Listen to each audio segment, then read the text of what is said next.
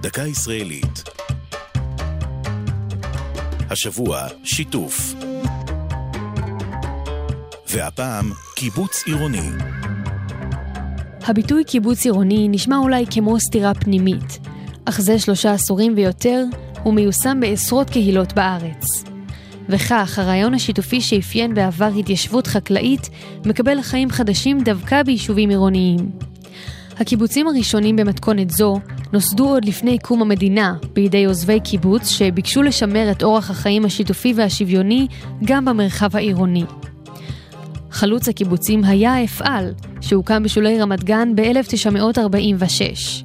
הקבוצה החזיקה מעמד שנים ספורות, והתפרקה בגלל התנגשות רעיונית בין חבריה באשר לאופי העבודה.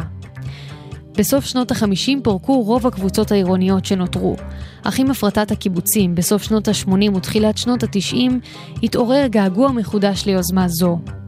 בשנת 79 הוקם קיבוץ ראשית בשכונת הבוכרים בירושלים, ודגל בחיים שיתופיים בין דתיים לחילוניים. בשנת 91 עבר לקריית מנחם, שם גרים חבריו עד היום. כיום פועלים כמה עשרות גרעינים עירוניים.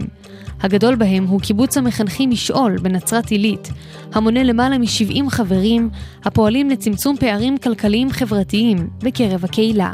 זו הייתה דקה ישראלית על שיתוף וקיבוץ עירוני.